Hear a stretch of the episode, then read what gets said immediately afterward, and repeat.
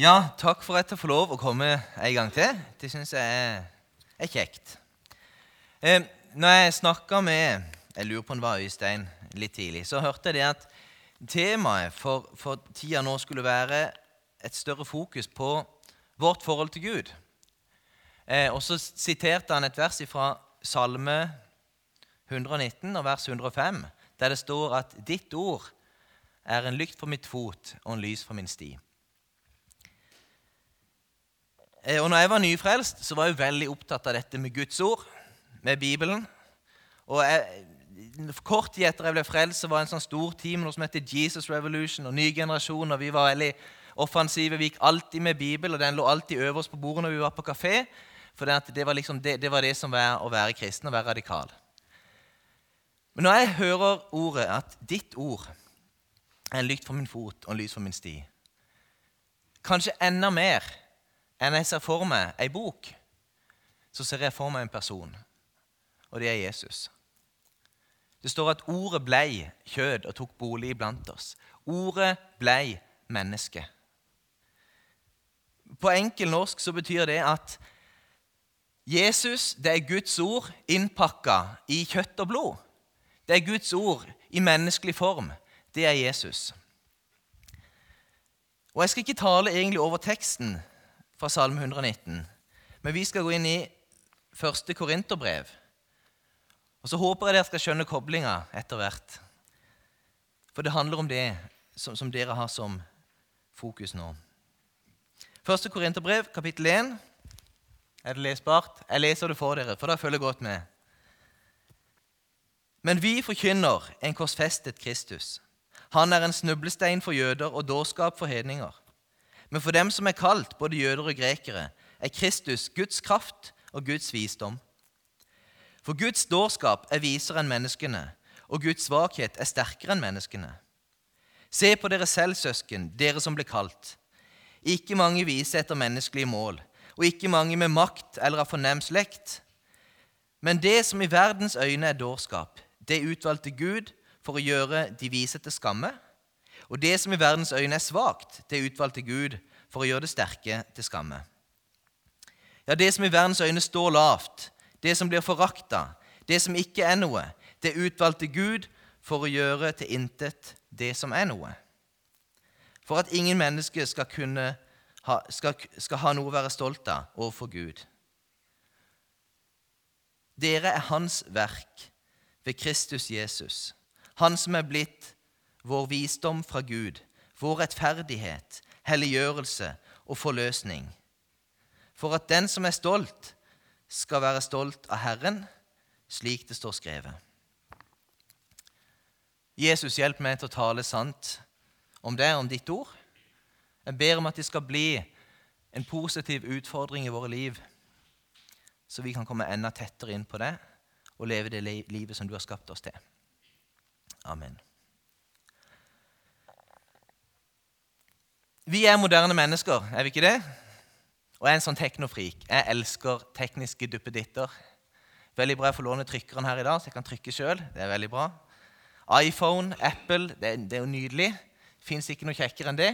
Så er det mange utrolig nødvendige ting vi må ha for å spare tid. Ikke sant? Det er viktig å spare tid, for vi har så sykt dårlig tid, for vi er så vanvittig effektive. Vi har aldri hatt så korte arbeidsdager som dette på mange hundre år, men allikevel må vi spare enormt med tid. Vi har all verdens hjelpemidler, og vi har noen sånne favoritter som eh, ferdig kutta salat. Tenk hvor mye tid du sparer på det. Det er mye dyrere, mye mer vassent, og så sparer du masse tid. Sjokoladekake på 1, 2, 3. Fjordland middag. Kan du tenke deg noe tristere enn en Fjordland middag? Da, da tar jeg heller en Grandiosa. altså. Boil in bag ris det er jo en stor favoritt. Altså sånne Onkel Bens-ris som er dyrt fra før av, så kan du kjøpe det sånn boiling bag, og så er det tre ganger dyrt igjen, så dyrt igjen. Så det er jo veldig fornuftig. Støvsugerrobot. Den, må si, den frister veldig. Kunne sitte og se på TV mens du blir rein. Hæ? Det er jo fantastisk. Gressklipperrobot. Jeg har bare fire kvadratmeter plen, så jeg tror det blir litt sånn Jeg har vurdert det, men jeg tror jeg lar være. Og så har jeg kjøpt brødbakemaskin. En kjempestor, stygg klump som står inni et skap. Og så fant jeg ut at jeg begynte å bli for feit, så jeg slutta å spise brød. Så jeg har spart mye tid. Ok, Vi kjøper masse produkter som lover oss at de skal gjøre livet lettere og gi oss mer tid til å gjøre de tingene som vi liker. Preger dette troa vår, og preger dette vårt forhold til Gud? Jeg tror egentlig at det gjør det. Mange beskriver vestlig kristentro som en forbrukerkristendom. Kan dere være litt enige i at vi kan ha litt av den holdninga? Jo, når jeg skal i kirka, så må jeg ha en stil og et innhold som passer meg. Jeg tror det er viktig at vi har en stil og et innhold som passer de menneskene vi skal nå, men ikke først og fremst for at jeg skal kose meg. Vi må ha en gudstjeneste som er akkurat passe lang. Vi må ha flotte og funksjonelle lokaliteter. Vi må ha en menighet som sørger for at jeg får det jeg trenger. En menighet som sørger for at barna får vokse opp i kristen tro. Det beste er jo hvis du har en god søndagsskole, et godt barnearbeid og et godt ungdomsarbeid. Så slipper en å stille de der vanskelige spørsmålene om å tro til ungene sine. For vi vet jo at menigheten de, de fikser det. De ordner det. Jeg tror ikke vi egentlig mener det, men mange ganger så er det noe sant i det. En menighet som tar ansvar for de sakene jeg brenner for. Og Så kan tro og menighet ende opp med å bli et produkt eller et middel som skal dekke mine åndelige behov gjennom alle livets faser. Og hvordan betaler vi for disse tjenestene? Jo, vi drar kortet eller legger penger i kollektkorva. Og når jeg er med og betaler sånn som det, så må jo jeg få lov å være med og bestemme litt hva vi skal gjøre, og hvordan vi skal gjøre det. Og vi er demokratiske, så vi har menighetsmøter osv.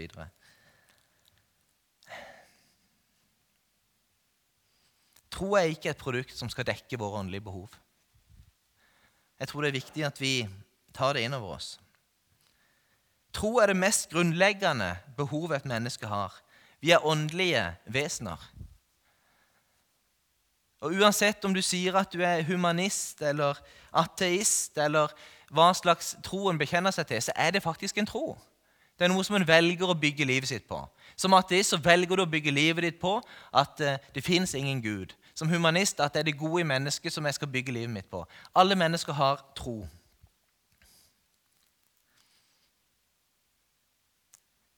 Men hva er kristen tro? Hva er kristendom? I dag kan vi lest tenke at jo, det, er, det er bekjennelse, menighetsliv, organisasjon og aktiviteter. Når noen spør deg eh, liksom, er du med i noen menighet, ja, jeg går i misjonssalen. Eller eh, jeg går på et eller annet. Du, du, du, identifiserer det ofte med aktiviteter eller møtepunkter som du er med på. Og det er veldig vanlig at vi snakker sånn om ting. Jeg går i et kor, jeg er med i en ungdomsklubb, jeg går i en menighet. Men var det det det var i sin opprinnelige form? Det kan umulig være det det egentlig er. Hva om du lever i et land der det er forbudt å være kristen, i et strengt muslimsk land eller et sted hvor det, hvor det er en annen tro som dominerer, der du ikke får lov å si at du er kristen? Det er vanskelig å være med i en organisert aktivitet. Det er vanskelig å flagge troa si på den måten.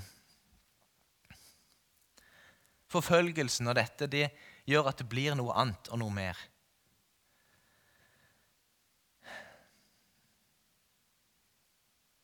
Det som kristendom er, og som er hovedinnholdet i det jeg skal dele i dag, det er at det er et personlig forhold til Gud gjennom Jesus Kristus. Første Korinterbrev tror jeg det ble. Kom det nå? Ja, det er ja. Gud er trofast, Han som har kalt dere til fellesskap med sin Sønn Jesus Kristus, vår Herre. Jesus er Ordet, Guds ord, som ble kjøtt og kom til jorda. Og vi fikk se hvordan Gud var. Han viser oss hvem Gud er. Det er det troa vår handler om. Det vil si at om alle kirker i Norge ble jevna med jorda, så vil ikke det forandre det faktum at menigheten er alle de som har tatt imot kallet til fellesskap med Jesus Kristus. Vi er ikke avhengige av de tingene. Det er dumt av meg som jobber i en menighet, å si dette, her, for da kan du miste jobben hvis vi ikke trenger kirkene. Men eh, jeg tror det er sant. Og så tror jeg at menighet er bra, og jeg tror at menighet er viktig. Men vi har som mennesker en sterk trang til å bygge monumenter og institusjoner rundt sterke opplevelser og store begivenheter. Og det har skjedd mange ganger opp gjennom historien. Mange vekkelser har blitt forfulgt av at en bygger institusjoner, at en lager regler og rammeverk rundt en del ting. Så drukner innholdet fullstendig i det. De sier om, om på Jesu tid fariserene. Fariserene var restene etter en stor åndelig vekkelse i Israel. Der folk våkna opp, de begynte å, å studere Skriftene igjen. De ønska å leve på Guds vei. Og så ble det institusjonalisert. De lagde regler som var så strenge at hvis du holdt de, så var du helt sikker på at du i hvert fall holdt Guds ord. Og så ble det en institusjon rundt det. I mange vekkelser så ble det sånn at i Norge òg at mange som ble møtt av Gud av et eget initiativ, ut fra sin, sitt eget forandra hjerte, så valgte de å velge vekk en del ting. De slutta gjerne å gjøre visse ting, eller slutta å gå på dans eller slutta å gjøre mange ting. Og så går det en generasjon eller to, så har de ytre handlingene, som var et resultat av de sitt fornya liv, det ble reglene de andre skulle følge. Så trer en en moral fra utsida og trer utapå og sier er du kristen, så lever du sånn. Men dette var ikke noe som folk kom og sa til dem at dette må dere slutte med. Men når de levde i en personlig relasjon til Jesus, så ble det naturlig for dem å velge vekk en del ting. Men så kan det stivne, og så blir det bud, og så blir det regler. Og så er det ikke lenger noe som kommer ut av et forhold til Jesus Kristus, men det er bare ytre rammer. Jeg vet ikke om dere er klar over det, at Bibelen forteller jo om denne kobberslangen. Husker dere det? er Noen som har litt bibelhistorie. Når de var ute i ørkenen, så ble folket veldig syke, ble bitt av giftige slanger så fikk Moses beskjed om å lage en kobberslange som de skulle sette på, på en stake og løfte opp. Og alle som løfta blikket og kikka på den slangen, de skulle bli helbreda. Og Det var et forbilde på Kristus som skulle bli korsfesta, og de som festa blikket på han skulle bli helbreda. Og Folket gjorde det og ble friske. Og det som skjedde i ettertid, det var at de tok denne slangen med seg, så begynte de å dyrke denne slangen. Den ble langt sammen med paksarken, sammen med Arons stav og med, med, lovtavlene. Og så ble det med som en del av helligdommen. Men hva gjorde de da? Jo, de dyrka et redskap som Gud hadde brukt. Det var egentlig avgudsdyrkelse. Og så Seinere står det om en av kongene som fant skriftrullene og begynte å lese Guds ord og begynte å renske ut av tempelet. Han kasta ut kobberslangen, som de hadde dyrka i flere hundre år, som egentlig var avgudsdyrkelse. For vi bygger institusjoner og tradisjoner rundt sterke opplevelser. Når Jesus var på Forklarelsens berg, når han var oppe på et fjell, og disiplene så at det var, kom to andre personer Det var Jesus, Moses og Elias. Og når disiplene så dette, så sa de her må vi bare bli Jesus. Vi bygger tre hytter, én til hver av dere. og Så kan vi være her, og så kan vi feire dette. Men de bomma på målet. De begynte å bygge monumenter rundt sterke opplevelser.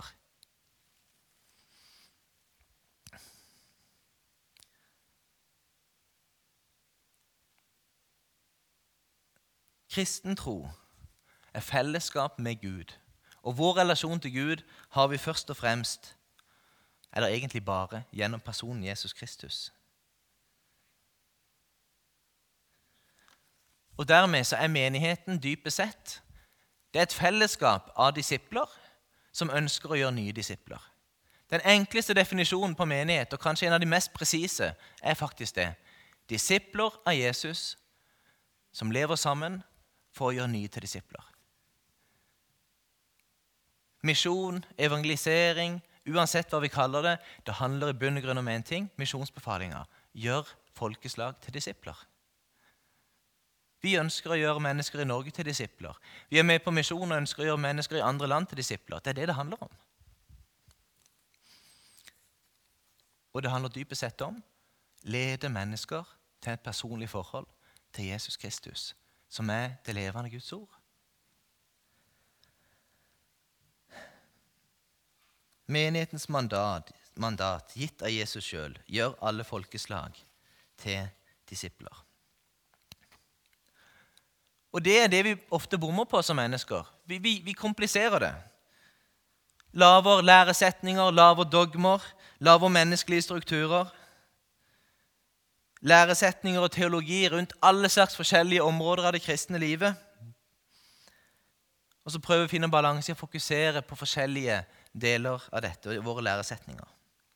Men når alt kommer til alt, handler det om dette ene enkle punktet. Et fellesskap med Jesus Kristus. I teksten i 1. Korinterbrev sto det at han er vår visdom, vår rettferdighet, vår helliggjørelse, vår forløsning. Alt er i Jesus Kristus. Konklusjonen er altså Jesus er alt. Han er ikke bare én bit av vår tro, men faktisk er Jesus kjernepunktet.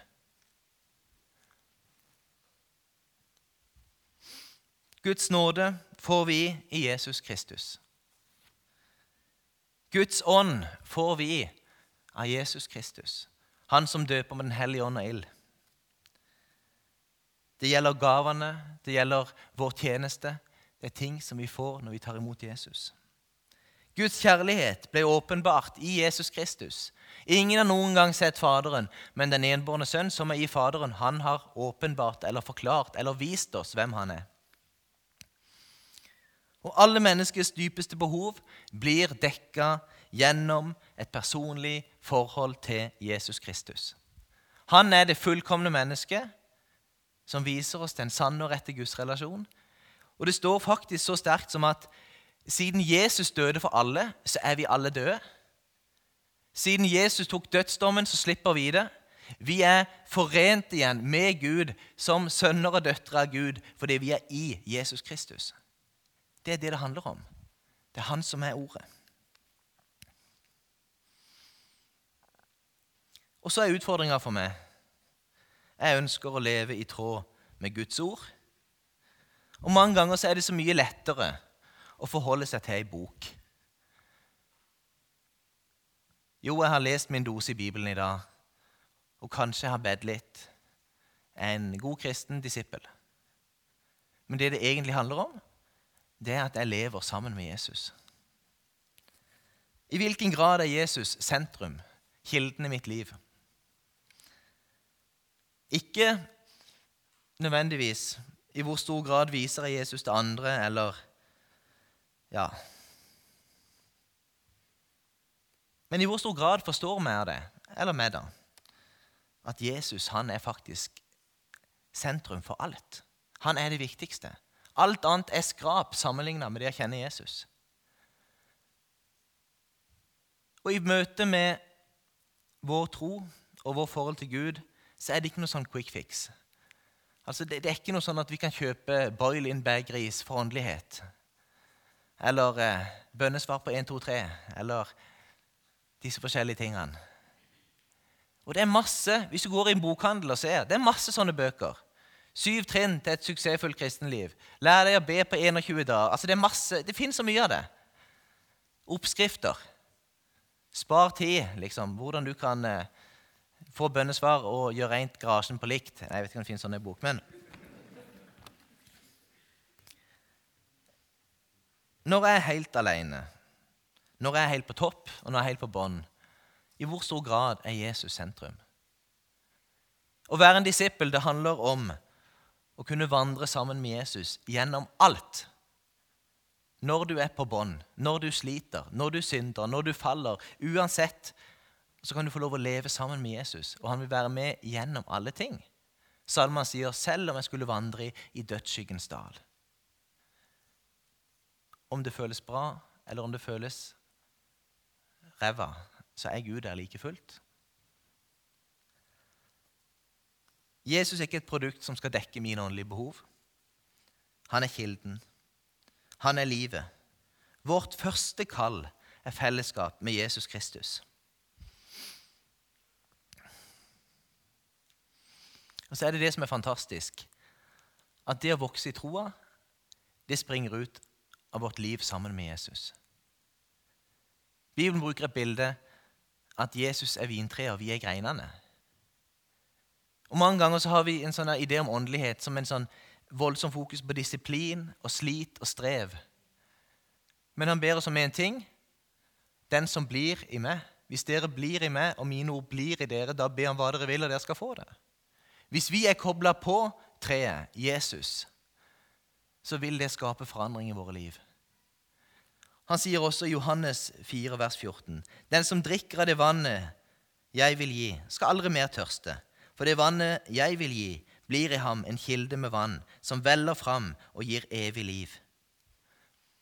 Vi får en kilde inni oss som er stor nok for alle våre utfordringer. Når vi blir født på ny, så får vi Guds ånd. Og den åpenbarer ordet for oss. Sånn at når vi leser i Bibelen, så blir det vi leser, blir nyttig. Og alt dette handler om Jesus Kristus. Det er han som er sentrum. Galaterbrevet 2 og vers 20 sier Jeg lever ikke lenger sjøl, men Kristus lever i meg. Det livet jeg nå lever som menneske av kjøtt og blod, lever jeg i troa på Guds sønn, som elsker meg og ga seg sjøl for meg. Jeg lever ikke lenger sjøl, men Kristus lever i meg. En voldsom bekjennelse. Har jeg ingen egenvilje? Jo, selvfølgelig har jeg det. Jeg er en stor egoist. Men samtidig så er det sant at jeg er korsfesta med Kristus. Han har født sin ånd inn i mitt liv. Og det fins noe inni meg som er lagt der av Gud, Guds ånd, som er lagt ned i mitt liv. Og han ønsker å leve i og gjennom meg og mitt liv.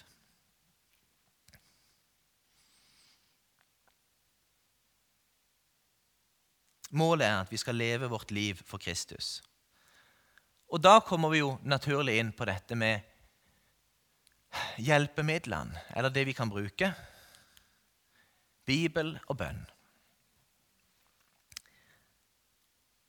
Jeg tror at Bibelen er Guds ord. Men jeg tror også at Jesus er Guds ord kledd i kjøtt og blod. Og her har vi en del utfordringer. For det fins bibelbruk, og det fins bibelmisbruk. Hvis jeg leser noe i Bibelen, og det ikke stemmer overens med personen Jesus Kristus, da må jeg stille meg sjøl spørsmålet har jeg forstått dette riktig. Av og til eh, når vi leser i Bibelen, så er det en annen bibelsk sannhet som, som er i virksomhet. og Det, det er den, den, som leter, han finner. Og Av og til så kan vi misbruke Bibelen fordi vi har lyst til å ha, gjerne finne dekning for vårt syn i en sak. Og Så bruker vi eksempel databibel eller oppslagsverk, og så finner vi alle bibelvers som handler om en bestemt ting. Og så vil vi bygge lære som understøtter min teori. Det er ikke å være, ha respekt for Guds ord. Det er et forsøk på å misbruke Guds ord. Vi vil underbygge vår påstand og vår teori. Det er ikke åndelighet.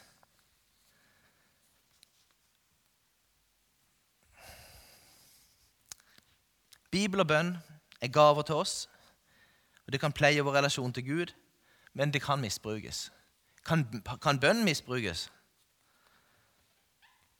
Ja, jeg har hørt noe manipulerende forbønn av og til, for å være helt ærlig. En kan be over et annet menneske, så kan en prøve liksom å legge inn sin egen vilje i det. Skal vi la være å be og lese Bibelen for å være helt sikker? Overhodet ikke. Men det kan misbrukes. Et skrekkeksempel. Jeg husker en gang. Jeg gikk på en internatskole. Drottningborg. Flott skole. Der tok jeg imot Jesus og ble frelst. Eh, så var det to kristne venninner som var uvenner og hun ene hadde gjort noe galt mot hun andre. Hvorpå den ene kom og sa følgende Vet du hva, hun har gjort noe galt mot meg, men jeg vil ikke gi henne tilgivelse, for da kommer ikke hun til himmelen. Tenk å si noe sånt! Hun bygger det fjernt på et eller annet sted i Bibelen der det står at, eh, at dersom vi bekjenner vår synd, er han trofast og tilgir oss. Men de sier at hvis du ikke ber om tilgivelse, så får ikke den andre tilgivelse og går fortapt. Det, det, det, er jo, det, er jo, helt latterlig. Men hvis en samme person hadde lest Fader vår, så står det Tilgi meg, sånn som jeg også tilgir. Altså, Vi ber egentlig 'tilgi meg like mye som jeg er villig til å tilgi andre'. Så du kan nesten ikke be Fader vår i Guds ord og samtidig ha en sånn holdning som det. Men det er misforstått. Det er en misbruk av Bibelen. Misbruk av Guds ord.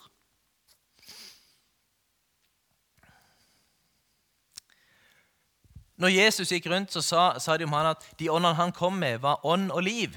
Og Det står i motsetning til fariseerne som kom med disse harde budene.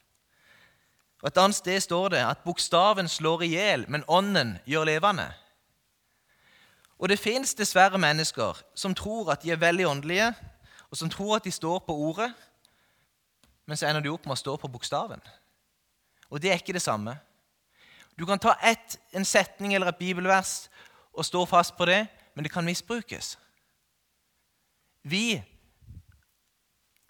Min høyeste autoritet det er egentlig ikke Bibelen. Bibelen det er et ord som vi har satt på samling av hellige skrifter, som vi tror er Guds ord. Min høyeste autoritet, det er ordets Gud. Det er han som har gitt Bibelen. Det er han som har gitt Skriftene. Ordets Gud skal forstyrre våre liv. Og det er dette som er forskjellen. Det er vår relasjon til Jesus. Når vi har fått tatt imot Jesus og Den hellige ånd bor i oss, da kan vi få lov til å oppleve at når vi åpner Bibelen og begynner å lese, så blir Bibelen et skattkammer. Der Guds ord blir levende for oss, der vi skjønner ting. Når jeg var nyfrelst, så var jeg ikke helt sånn stuerein med en gang. Og En dag satt jeg og leste i Bibelen, og så leste jeg et sted at det sto om eh, rått snakk, grove vittigheter. De som driver med slikt, skal ikke arve Guds rike. Og Jeg hadde en ganske stygg munn da jeg var nyfrelst. Mye sånne grisevitser. Og plutselig så, gikk det opp for meg at det var synd. Og når jeg satt og leste i Bibelen, og Guds ånd viste meg rått snakk og grove vittigheter, så tenkte jeg ok, takk, Jesus, for at du viste meg dette. Nå kan jeg få lov å legge det fra meg. Andre kunne kommet og sagt det samme, og det hadde gjerne vært sant. Men når jeg, som et Guds barn som har fått Guds ånd, leser i Bibelen, så blir det levende for meg, og så blir ordene ånd og liv. Og vi er først og fremst ment å leve i fellesskap med Jesus, som er til levende Guds ord, og som vil forandre oss. Matteus 6,33 sier Søk først Guds rike og hans rettferdighet, så skal dere få alt det andre i tillegg. Og det er Jesus som er ordet. Lykten for vår fot og lyset på vår sti. Og når vi er i Han, så har vi fått Den hellige ånd. Og den vil gjøre denne boka levende for oss, sånn at vi mottar levende ord fra Gud. Det fins mennesker som har lest denne boka, som leser denne boka, som ikke får veldig stort utbytte av det. Kanskje ikke kristne engang. De leser Bibelen for å finne feil, for å finne ting som, mot, som er motstridende, for å kunne svekke vår tro. Det er folk som gir ut egne bøker med bare motsetninger i Bibelen for å skulle liksom skade de som tror at Bibelen er Guds ord. Men forskjellen er at når du leser der på den måten, så bygger ikke det deg opp. Men vi har fått Guds ånd som vil gjøre Hans ord levende for oss. Så ei setning til slutt. Tro er en relasjon til Jesus. Det handler om kjennskap, ikke kunnskap. Det er gjerne litt sånn Vi bruker gjerne ikke ordet kjennskap så mye i det daglige, men det er en forskjell der. Du kan ha hodet ditt fullt av teorier om Bibelen og om Jesus og om Gud uten å ha erfart, ha kjennskap til Jesus. Og det er det det i bunn og grunn handler om. Det finnes mange mennesker som har lest lite i Bibelen og har lite bibelkunnskap, som kanskje har en stor kjennskap til Gud. Fått lov å erfare Guds nåde, fått lov til å erfare hvem Jesus er, fått lov til å oppleve at Jesus bryr seg om dem. Og det er det viktigste. Men for oss som har møtt Jesus, så tror jeg vi får en sult etter å lære mer om han. Og det er Bibelen som forteller oss hva Jesus gjorde, hva Jesus sa, åssen han levde. Og Da kan vi gå der, og da blir kunnskapen til kjennskap. Vi kan lese, og Den hellige ånd gjør det levende og vil gjøre sånn at det blir frukt i våre liv. Ordet er en lys, lykt for vår fot og en lys på vår sti.